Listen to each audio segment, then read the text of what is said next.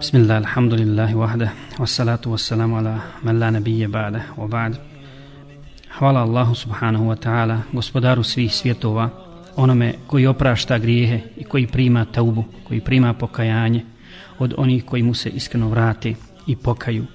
Hvala Allahu koji kada hoće da nešto bude samo kaže kun fajakun, dakle budi i biva, onom čijom milošću se Musa a.s. spasio od faraona i njegove vojske. Hvala Allahu koji se odazvao Nuhu a.s. kada je od njega zatražio pomoć protiv naroda nevjerničkog i koji je otklonio nevolju od Junusa a.s. Ejuba a.s. i koji je vratio Jusuf a.s. nakon mnogo godina njegovom ocu Jakubu a.s. Neka je salavat i selam na posljednjeg Allahu poslanika Muhammeda sallallahu alaihi ve sellem. Ovo je govor, dakle, o taubi, o pokajanju i prisjećanje na primjere iz kojih uzimaju i pouku primaju griješnici i koje prepoznaju starci, stari ljudi koje je život već pregazio, a također mladići i djevojke s kojima se njihova strast poigrava. Ovo će biti neki primjeri koje ćemo navesti vezano za teubi pokajanje, koji su bili i prošli i koji su na neki način zaboravljeni od strane ljudi, međutim zapisani su i ostali u knjigama da bi se ljudi na njih mogli vratiti i uzeti pouku iz toga. Ovo su dakle sjećanja na one koji su se vratili Allahu i pokajali. I ono što je nama danas potrebno jeste dakle vraćanje Allahu Đelešanu u vremenima u kojima su se grijesi umnožili, u kojima je oslabilo vjerovanje i šeitan ojačao sa svojim zavođenjem ljudi. Kada vidimo kolone mladića i djevojaka kako tumaraju kroz život bez cilja i smisla, kada ljudi tragaju za srećom ali nikako da je nađu. Dakle, to je sjećanje i prisjećanje za one koji vjeruju u riječi Allaha subhanahu wa ta'ala Nabbi ibadi anni ana al-ghafurur rahim wa anna azabi huwa al-azabul alim Obavijesti moje robove, kaže Allah dželle svojom poslaniku Muhammedu sallallahu alaihi ve sellem da sam ja onaj koji prašta i koji je milostiv i da je moja kazna bolna, bolna kazna. Tauba ili pokajanje je samo, kako sam rekao na početku, dakle u uvodu, jedan mali dio tog sveobuhvatnog i savršenog islamskog učenja, odnosno vjere Islama, te prirodne vjere koja odgovara svakoj duši, jer je Allah Đelešanohu stvorio čovjeka i objavio mu je Islam, znajući šta treba čovjeku. Dakle, objavio mu je uputu preko poslanika Muhammeda sallallahu alaihi ve sellem i tauba nas vraća u život, u stvarnost, daje nam snagu, dakle pomaže nam, pomaže nam da shvatimo smisao i cilj našega života i budi nam novu nadu, budi nam novu nadu u život i u bolje sutra. Ovo je dakle vijest o onima čiju taubu Allah Đelešanu je primio i čiju se taubi Allah obradovao jer poznato je iz hadisa poslanika sallallahu alaihi ve sellem da se Allah Đelešanuhu raduje, raduje taubi i pokajanju griješnih ljudi kako da se ne raduje njihovoj teubi gospodar svjetova kada je rekao u jednom hadisi kuciju Ja ibadi innakum tuhti'una bil lejli wan nahari wa ana agfiru dhunube džemi'a fastagfiruni agfir lakum. O robovi moji, vi griješite danju i noću, a ja sam onaj koji grijeha oprašta, pa pokajte se i vratite se i stikfar donesite i ja ću vam oprostiti a njegov poslanik sallallahu alejhi ve sellem kaže zaista Allah pruža svoju ruku noću da oprosti onima koji su griješili danju i pruža svoju ruku danju da oprosti onima koji su griješili noću i tako će ostati sve dok sunce ne izađe sa zapada. Mi smo spomenuli dakle da se Allah Đelešanohu raduje taubi, odnosno vraćanju, pokajanju njegovog groba. I ne samo to, ne samo da se Allah raduje taubi, na taj način da oprosti grijehe koje je čovjek činio do tada, već čak loša djela Allah Đelešanu zamjenjuje dobrim djelima. Zato kaže uzvišeni u suri Furkan illa men taba wa amila salihan fa ulaika yubaddilu Allahu sayyi'atihim hasanat wa kana Allahu gafuran rahima a onima koji se pokaju i dobra djela budu radili nakon dakle pokajanja to su oni kojima će Allah zamijeniti loša djela dobrim djelima zaista Allah ne oprašta i on je milostiv. U sklopu ovoga ajeta prenosi se jedna predaja, dakle jedan hadis kada dođe sudnji dan, Allah Đelešanuhu će narediti da se dovede čovjek koji je griješio, griješio prema Allahu Đelešanuhu, pa će narediti da mu se pokriju, da se sakriju njegovi grijesi, da mu se pokažu samo dobra, samo dobra djela, odnosno da mu se njegova loša djela zamijenu dobrim, dobrim djelima. Nakon toga čovjek će reći, gospodaru, kod mene je samo dobra djela. Ja sam griješio, gdje su mi, gdje su loša djela? Pa će mu Allah Đelešanuhu reći, ja sam ti na Dunjaluku pokrio, a danas smo ti zamijenili dobrim djelima, jer si se iskreno pokajao. Dakle, sva loša djela koja čovjek radio, bit će mu zamljena dobrim djelima. A on će tada reći, gospodaru moj, a ja sam još mnogo loših djela uradio koja ne vidim, ne vidim ovdje da su pokrivena dobrim djelima. Dakle, spominjat će još neka svoja loša djela kako bi bila zamijenjena dobrim, dobrim djelima koja nisu, koja nisu tu njemu izložena. Imam Buharija bilježi hadis od Hakima ibn Hizama da je rekao Allahom poslaniku sallallahu alaihi sallam Ja Rasulallah, o Allahov poslaniće, hoću li imati nagradu za sadaku, to jest za milostinju i za čuvanje rodbinskih veza iz predislamskog doba, dakle iz džahilijeta, prije sam primio islam. Kaže mu poslanik sallallahu alejhi ve sellem: ti si primio islam sa svim dobrim djelima koja si uradio prije toga. Dakle, sve to ulazi, ulazi u nagradu. Subhanallah, pogledajte, Allah Đelešanu, dakle, oprašta grijehe, loša dijela zamjenjuje dobrim dijelima i dobra dijela iz džahilijeta nakon primanja Islama upisuje, upisuje njegova dobra dijela koja će čovjek naći na vagi eh, dobrih dijela na sudnjem danu. Pa šta je još ostalo? Dakle, to je dokaz da je Allah Đelešanuhu tawabur rahim, onaj koji prima taubu i koji je milostiv. Onaj čija milost je veća od svega, ali njegova milost je dakle blizu onih koji dobra djela čine, koji se Allahu iskreno pokaju, koji se vrate na pravi put. Oni koji učine grijeh i čine istikvar, dakle to nije problem. Nije problem kad čovjek upadne u grijeh. Nema čovjeka koji ne griješi. Nema čovjeka koji ne upada u greške, koga šeitan ne zavede i tako dalje, kroz njegov život. I to se dešava svakodnevno. Već je najveći problem kad čovjek griješi i navikne na grijeh i ne smatra ga velikim i neka je se zbog tog grijeha.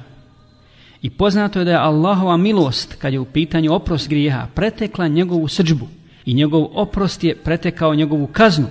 On je milostiviji prema ljudima više nego roditelji, dakle očevi i majke prema svojoj djeci. U tom smislu navešćemo primjer, navešćemo primjer, odnosno hadis, kojega bilježe Buharija i Muslim.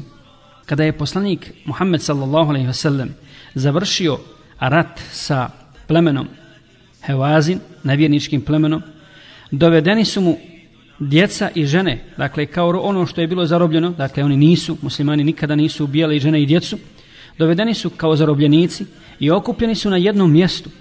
I među njima je poslanik sallallahu alejhi ve sellem ugledao jednu ženu koja je svojim pogledom, svojim srcem i dušom tražila svoje dijete. Dakle, u tom metežu općem, u toku napada, ona je izgubila svoje dijete koje je bilo malo. E, još uvijek je, uvijek je dojilo majku.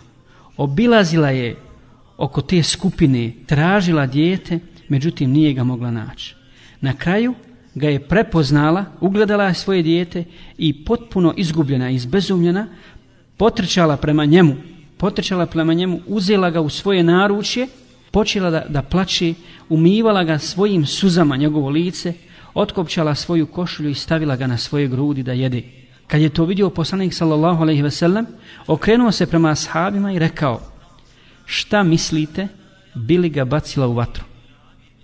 Šta mislite, bili ga bacila u vatru? To jest, ako bi mi sad naložili vatru, a to se neće desiti, ali ako bi naložili vatru i naredili joj da ga baci u vatru, bili to učinila. Pa su se ashabi začudili takvom pitanju i rekli su, O Allahov poslaniće, kako da ga baci? To je plod njenog srca. Tako nam Allah ne bi ga nikad bacila, ne bi to nikad učinila. A Muhammed a.s. reče ashabima, tako mi Allaha, Allah je milostiviji prema svome robu od ove žene prema njenom djetetu. Dakle, izbog veličine njegovog oprosta, Allah je ponudio taubu svakome ponudio pokajanje i vrata pokajanja, vrata teube su otvorena do sudnjeg dana, bez obzira kakav grijeh čovjek počinio i koliko zgriješio Allahu Đalešanuhu, vrata teube su, kažem, otvorena do sudnjeg dana. Navešćemo još jedan primjer da dokažemo, da potvrdimo ovu našu konstataciju. stoji jednom hadisu da je jedan starac došao poslaniku sallallahu alejhi ve sellem potpuno oronuo, osjedio na štab se oslanja došao i pita o Allahov poslanice zamisli čovjeka koji je počinio toliko grijeha da ni jedan grijeh nije izostavio da ga nije učinio. I kada bi podijelio svoje grijehe s svim stanovnicima zemlje dosta bi bilo da ih upropasti. Ima li za njega taube? Ima li za njega nade? Poslanik sallallahu alejhi ve sellem je shvatio da on govori o sebi, dakle da se radi o njemu, pa ga pita, a jesi li ti primio islam? A onda on odgovori, što se mene tiče o Allahu poslaniče, ja svjedočim da ne ima Boga osim Allaha i da si ti njegov poslanik. Kaže mu poslanik sa veselem nakon toga, čini dobra djela i ostavi loša, Allah će ih sve u dobra pretvoriti na sudnjem danu. Ovaj čovjek je toliko se obradovao tim riječima, pa je u čudu upitao, ja Rasulallah, zar sav moj razvrat i sve grijehe koje sam počinio? Kaže poslan Selem, da. I onda je ovaj otišao i od radosti stalno uzvikivao dok nije zamakao, dok nije otišao Allahu Akbar, Allahu Akbar, dakle izgovarao je ti dok se nije udaljio. Ovaj hadis bilježi Taberani i Bezzar, a imam Munziri kaže da mu je sened dobar, dakle da mu je lanas prenoslaca dobar.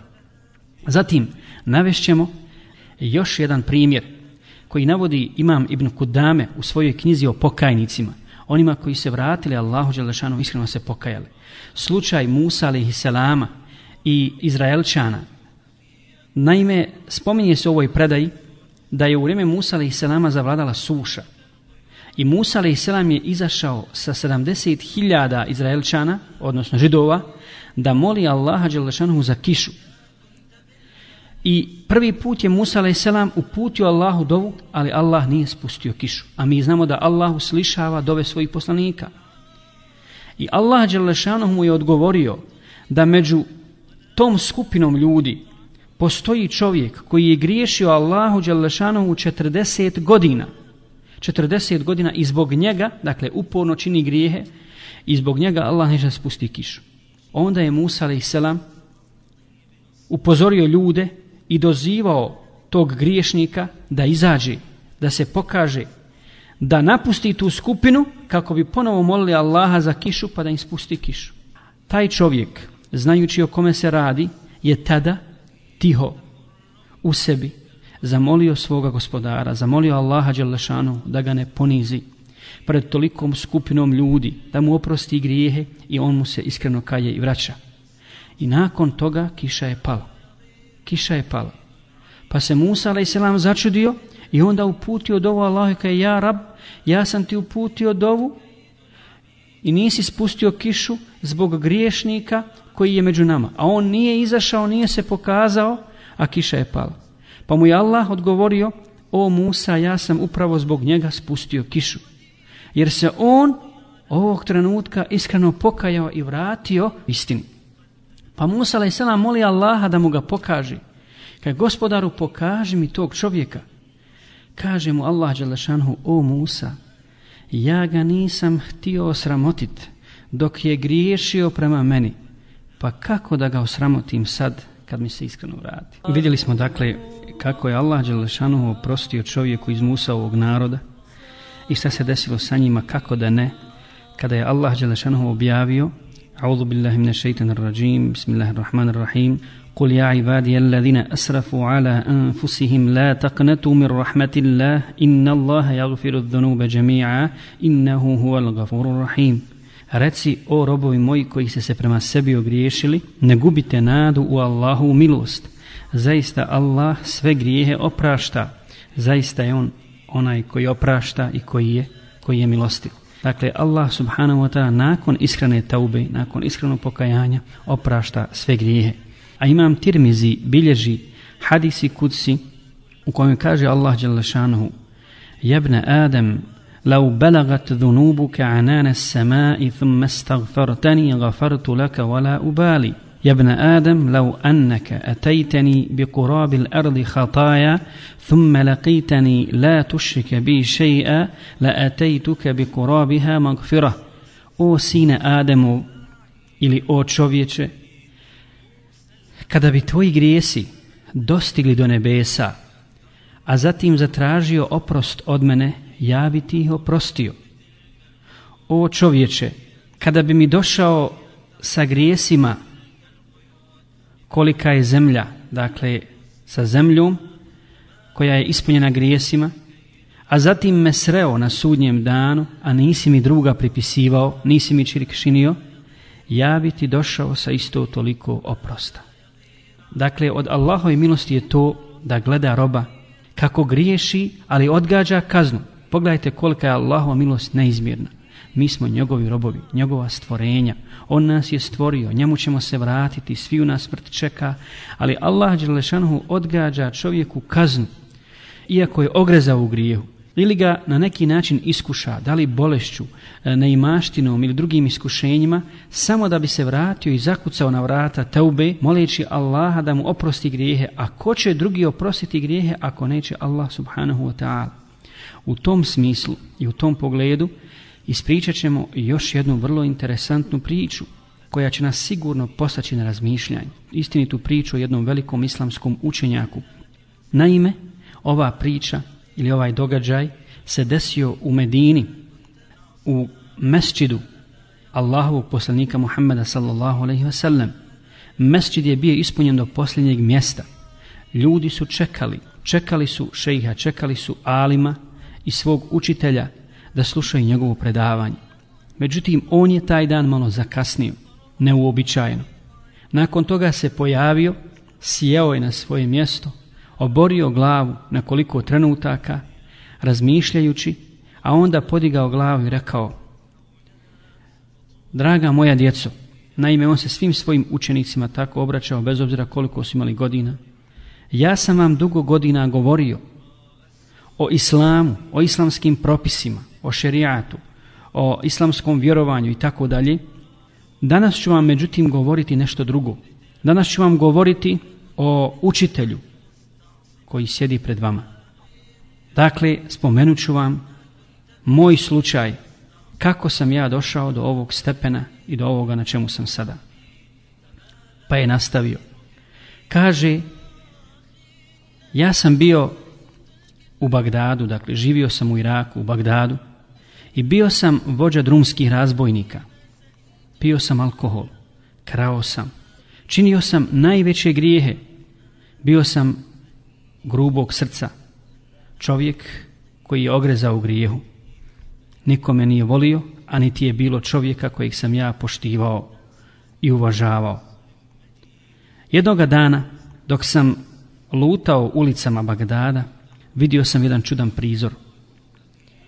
Naime, jedan bogati trgovac, kojeg sam poznavao, obukao je svileni ogrtač i stavio veliki zlatni prsten na svoj prst, na svoju ruku.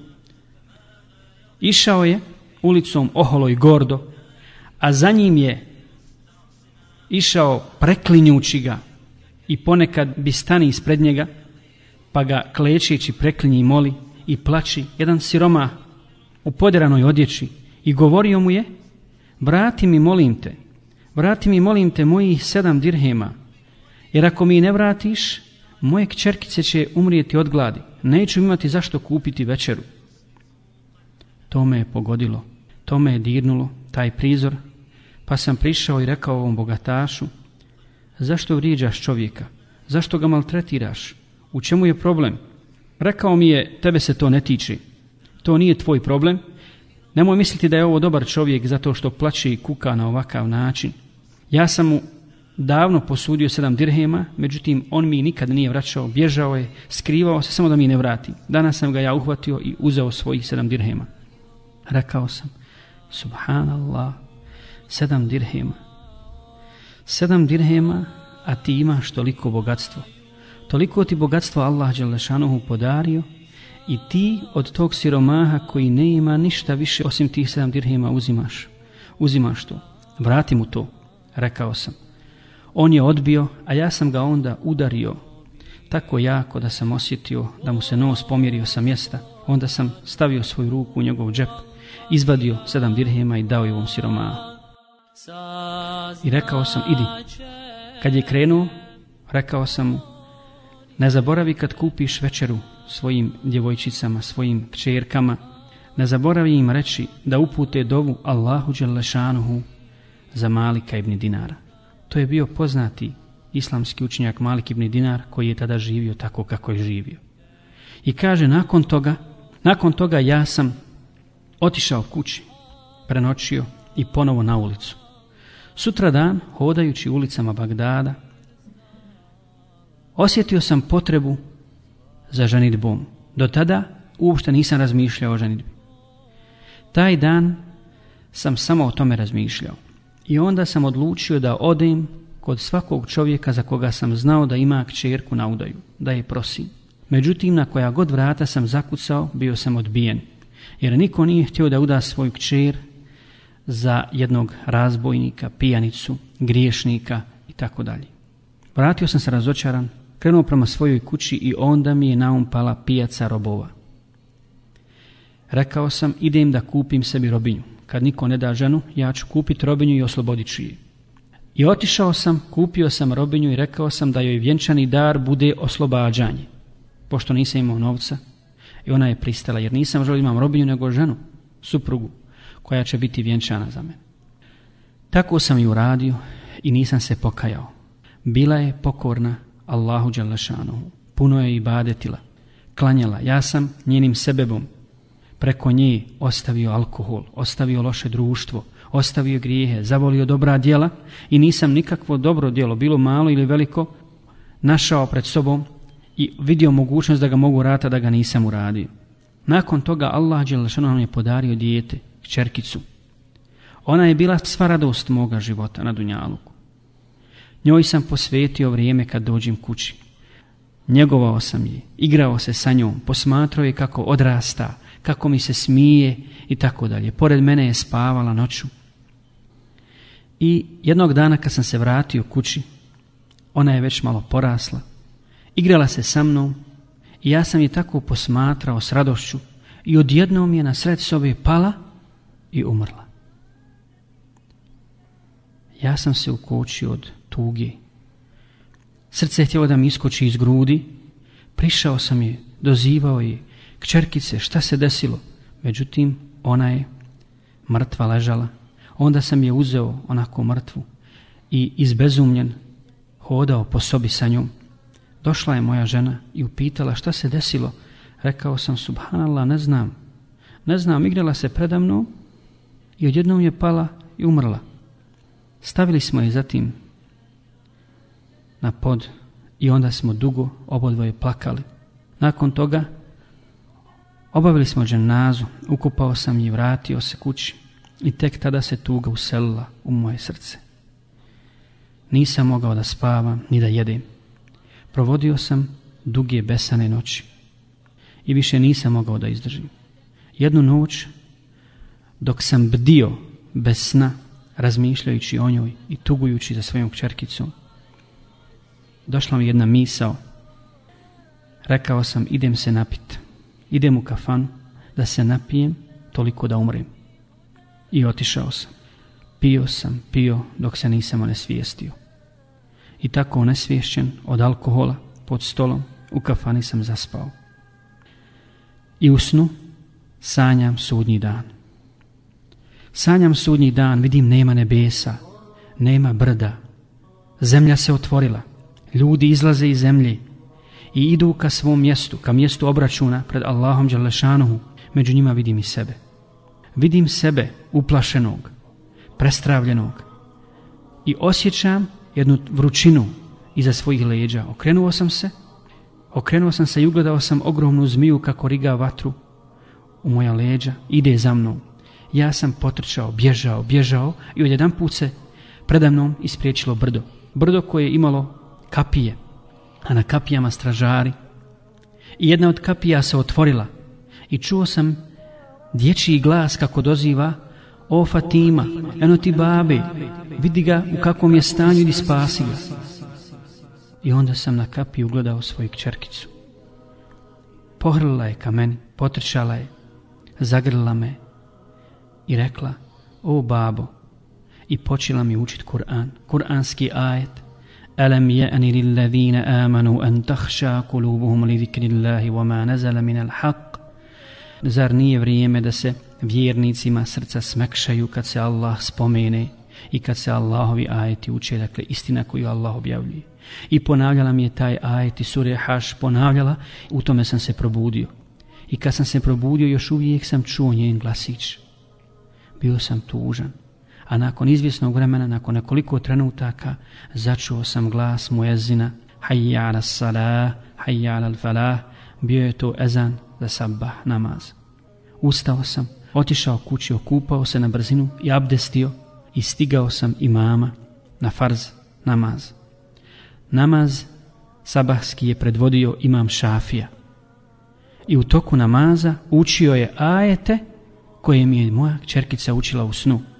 Alam يأن للذين ladina amanu an قلوبهم qulubuhum li dhikrillahi نزل من nazala min al-haq. Ja sam plakao u namazu. Kao da se to samo na mene odnosi, ni na kog drugog. Kad je imam šafija završio namaz, kad smo predali selam, okrenuo se prema nama, prema džematlijama i htio je da komentariše ove ajete koje je proučio. Rekao je, draga moja braćo, Allah Đelešanuhu nas u ovim ajetima podstiče na teubu, da požurimo sa teubom, sa vraćanjem Allahu Đelešanuhu i kaže, upotrebljava izraz elem je'ni, zar nije vrijeme? A znajte da ovaj izraz je'ni dolazi, dakle, izveden je od riječi an, el an, što znači sada, sada, kao da je htio Allah da kaže, sad se pokajte, nemojte dozvoliti da vam prođe ovaj jedan trenutak, jedan moment vašeg života, jer ne znate, hoćete doživjeti drugi, koji dolazi posle njega, a da se ne pokajete. I ja sam se iskreno pokajao. Vratio se Allahu Đalešanu. Vidio sam kolika je njegova milost.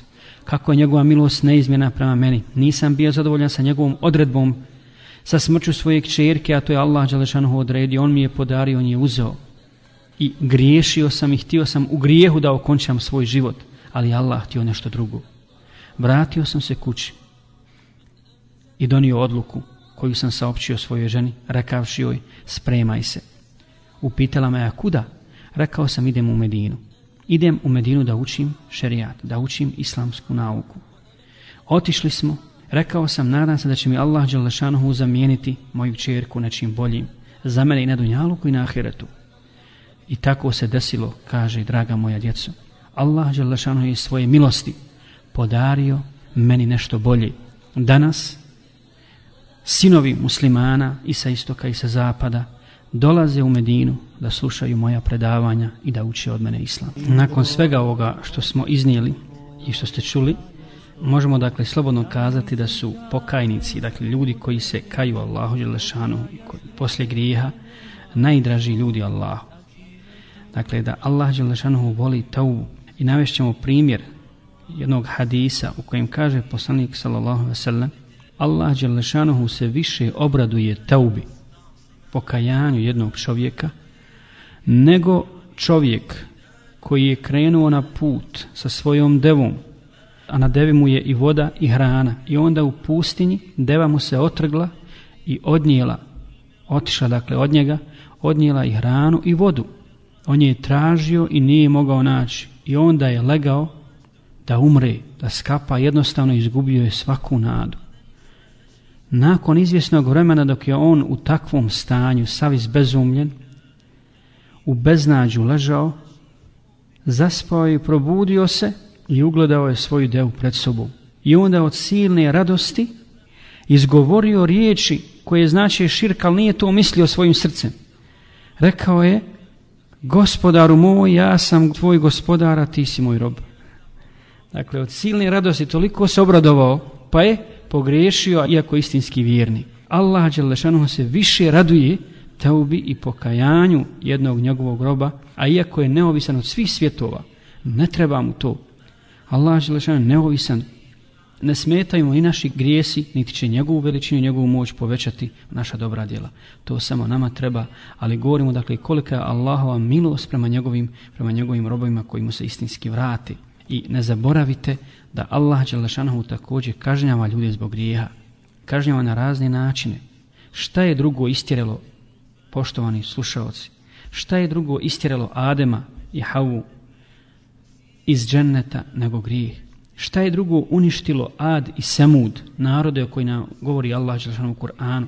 I šta je potopilo Nuhov narod i Lutov i Šuajbov i Faraona i njegovu vojsku osim griješenja prema Allahu Đalešanohu? I Allah Đalešanohu za njih kaže فَكُلًّا أَحَذْنَا بِذُنُوبِهِمْ I sve smo mi njih kaznili zbog njihovih grijeha.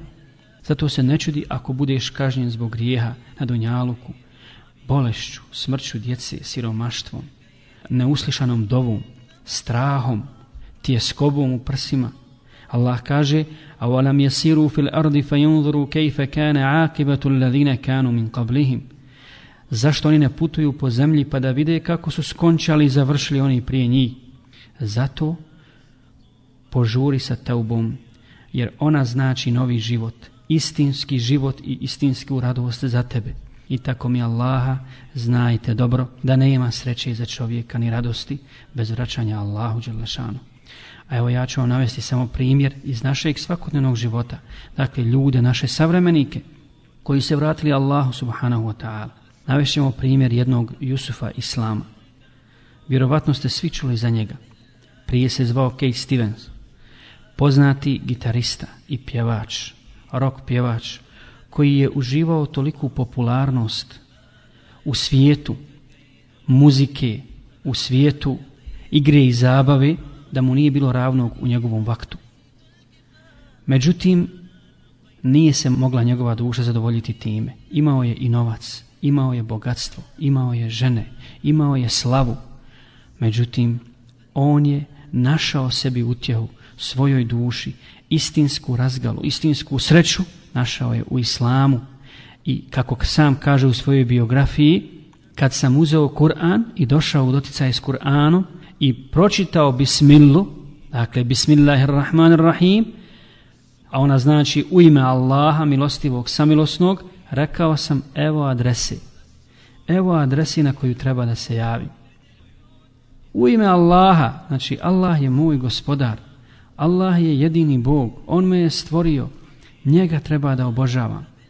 I od tada je počeo preokriti u mome životu i od tada tek moj život ima smisla. I vidimo kako danas Jusuf Islam kao daija, kao misionar djeluje u svijetu i ne zaboravite da u Engleskoj vlada Engleska kad god zapadne u krizu da između ostalog konsultuju Jusufa Islama i pitaju ga za mišljenje kad zapadnu u ekonomsku krizu i tako dalje, šta bi bilo najbolje da država uradi kako bi izašla iz krize.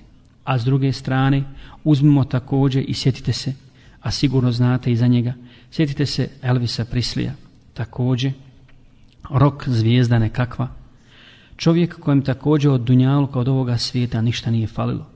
Međutim, zbog tog beznađa, zbog tje skobe u prsima, zbog tje skobe u duši, u životu, koji za njega nimao cilja, popio je čašu otrova kad se vratio sa svog najboljeg koncerta. Dakle, zar je to život? A Allah Đelešanuhu govori upravo o takvima. U suri Taha kaže وَمَنْ أَعْرَدَ عَنْ ذِكْرِي فَإِنَّ لَهُ مَعِيشَةً ضَنْكَ وَنَحْشُرُهُ يَوْمَ الْقِيَامَةِ أَعْمَ A onaj ko okrene glavu od knjige moje, taj će tegobnim životom živjeti. I na ahiretu, na sudnjem danu ćemo ga slijepim proživjeti kao slijepca. Dakle, zaista ovaj ajet odslikava naše stanje. I kad god čovjek griješi prema Allahu, što se više udaljava od istine, sve veća je njegova tjeskoba u prsima, sve više je besanih noći, sve manje život ima smisla. I onda ljudi, a posebno omladina, i vidimo danas kod nas šta se dešava, bježi od života, ne može da podnese ta iskušenja, ne može da se hrve, da se bori sa životom, onda bježi od života. Kakva je to ličnost? Kakav je to čovjek koji traži sebi utjehu i bijeg od onoga što ga čeka u životu u drogi, u alkoholu, u razvratu i tako dalje. To nije ličnost koja se može nositi sa problemima. I ne može sutra ponijeti to breme i emanet koji mu Allah Đelešanohu dao, jer zaista je čovjek stvoren sa velikom svrhom i ima veliku odgovornost, odgovornost u svome životu. On je halifa na zemlji koji je zadužen da unapređuje život uz Allahovom slijedeći Allahovu uputu, slijedeći, slijedeći Islam i tek tada će biti srećan. I čovjek je srećan i zadovoljan onda kad čini dobro, kad čini hajr drugim ljudima, kad je koristan član društva, a ne može tako mi Boga posad koristan član društva dok se ne vrati vjeri. Ono istinski da radi samo dobra djela u ime Allaha Đalešanohu, nadajući se nagradi kod Allaha Subhanahu wa ta'ala. Dakle, zato nam je tauba bitna. Jer mi bez Allaha Đalešanohu ne možemo, ne možemo ni jednog momenta, ni jednog trena. Allah Đalešanohu nas stvorio sa svrhom, podario nam razum, podario nam dušu, taj prirodni, moralni zakon u nama, Kad čovjek učini grijeh, osjeća grižnju savjesti. Kad učini dobro djelo, lijepo mu je, raspoložen je, veseo je, radostan je zbog toga. Dakle, to je, to je ono po čemu je on vrijedan, po čemu se ističe od drugih. Zato Isa a.s. kaže za sebe, pogledajte kakvi su vjernici, a posebno Allahovi poslanici. Za sebe, između ostalo, kaže da će ga Allah učiniti blagoslovljenim, veđe alenim u baraken, ejne ma kunt. Allah će me učiniti blagoslovnim gdje god budem. Dakle, od mene je samo dobro, samo korist, samo korist. I to je smisao, istinski smisao ljudskog života. Sutra kad se vrati Allahu, kad dođe sudnji dan i bude polaganje računa, onda će se radovati istinski vjernici. Dakle, i zaista ne smijemo gubiti nadu. Ono što moramo učiniti, ono što moramo uraditi, jeste dakle da se sačuvamo širka. Prije svega, dakle, od, od grijeha koje čini danas ljudi, Oni su različiti, a najveći od svih tih jeste širk. A u širk spadaju mnoge stvari. Šta znači širk? To znači pripisivanje Allahu druga, obožavanje nekog drugog mimo Allaha koji te je stvorio i koji jedini zaslužuje obožavanje. Koji jedini zaslužuje obožavanje. A o tome, o Allahu Đalašanhu, ja inša Allah planiram govoriti jednom drugom prilikom, predlažem jednu temu koja bi mogla nositi naslov dokazi postojanja Allaha Đalašanhu. Također u širk spada ono što danas ljudi često puta koristi. U širk spada vješanje hamailija, zaklinjanje nečim drugim mimo Allaha Đalešanuhu. Kaže poslanik sallallahu sallam, mena allaka temimeten faqad ašrak, ko objesi hamailiju o svoj vrat učinio je širk. Učinio. Zatim, zatim raznorazne vrste sujevjerja, e, kao što je gatanje, sihr, kaže poslanik sallam, ko ode sihrbazu i pita ga za nešto, da mu dakle nešto proriči ili nešto zapiši, ne prima mu se namaz 40 noći, 40 dana, a sve je to prisutno, prisutno kod nas, u našem društvu. I nevjerovatno je koliko su ljudi danas u vremenu nauke vremenu tehnike, dakle kada je ljudski intelekt dostigo jedan svoj vrhunac, koliko su ljudi daleko od istine. I koliko im ne pomažu sva ta sredstva, kompletna ta nauka ne pomaže im ili im slabo pomaže da dođu do Allahove istine. A Allah podario čovjeku razum da bi došao, da bi otkrio istinu, da bi je shvatio i da bi je slijedio i prihvatio istinski. A zatim, pogledajte koliko je koliko su ljudi posebno omladina ogrezla u zinaluku, dakle u bludu, u alkoholu, u drogi i tako dalje. Ja sretam jedan dan, evo navešću, moram navesti ovaj primjer, sretam nekoliko mladića kad sam se vraćao iz džamije, muslimana, mladi, lijepi, zdravi, piju alkohol i već su se opili. Već su se opili. I šeitan kad insan dolazi iz džamije, kad te prepoznaju po, po nekim obilježima muslimanskim, odmah i šeitan nagovara da reaguju, da reaguju i da na neki način pokušavaju da, da te izazovu.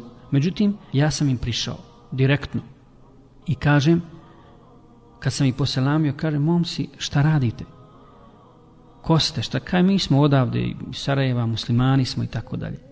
I kažem, Što dozvoljavate to sebi? Tako ste mladi, lijepi, pametni. Zašto sebe upropaštavate na takav način? Zašto pijete alkohol? Zašto koristite drogu? Zašto ne razmišljate o životu? Zašto ne razmišljate, kažete da ste muslimani? Zašto ne razmišljate o islamu? O Allahu i vjeri? Zašto ne čitate Kur'an? Vi ste juče bili na braniku vjere ovdje, u Bosni i Hercegovini. Juče ste položili težak ili možda teži ispit od ovoga, a sad padate. Sad nevjernici zavode našu omladinu. Mladiće i djevojke po diskotekama dali su im mogućnost razvrata raznih vrsta, raznih vrsta. I omladna se tome odaje ne razmišljajući onome što radi i ne razmišljajući o posljedicama, a one su katastrofalne. Zato učinimo teubu Allahu Đelešanohu i vratimo se Allahu iskreno i ne gubimo nadu u Allahu milost, jer Allah zaista oprašta sve grijehe. Dakle, ne samo to, nego ja bih želio skrenuti pažnju na kraju na još jednu vrlo važnu stvar, a to je da šeitan dakle priđe čovjeku s te strane i kaže e, ti se pokajao od bluda, recimo, neš više točno, a međutim i dalje piješ alkohol. kućeš onda? Dakle, moraš se pokajati za ovaj grijeh i za onaj grijeh i tako dalje. Jeste. Međutim, Allah Želešanohu prima pokajanje kad god se čovjek vrati Allahu. I ne znači ako čovjek nakon te obe ponovo upadne u grijeh da je sve propalo. Da je sve propalo. Ne, ništa nije propalo, ništa nije izgubljeno. Već se treba brzo vratiti. Vratiti se Allahu Đelešanu, vratiti se, na, jer svaki čovjek posrči. Ali je važno da čovjek kad posrne, kad skrene s puta, da se brzo vrati. A ne da ostaje, da ostaje u jarku, da ostaje pod putu. Kaže poslanik sa sallam, nema ni jednog čovjeka koji počini grije, pa se onda očisti, dakle abdesti i klanja i zamoli Allaha da mu oprosti, a da mu Allah neće oprosti grije. Zato molim Allaha Đelešanuhu da nam omogući da se vratimo iskreno Allahu, da se vratimo pravom putu, da učinimo iskrenu taubu, da se ne vraćamo grijesima.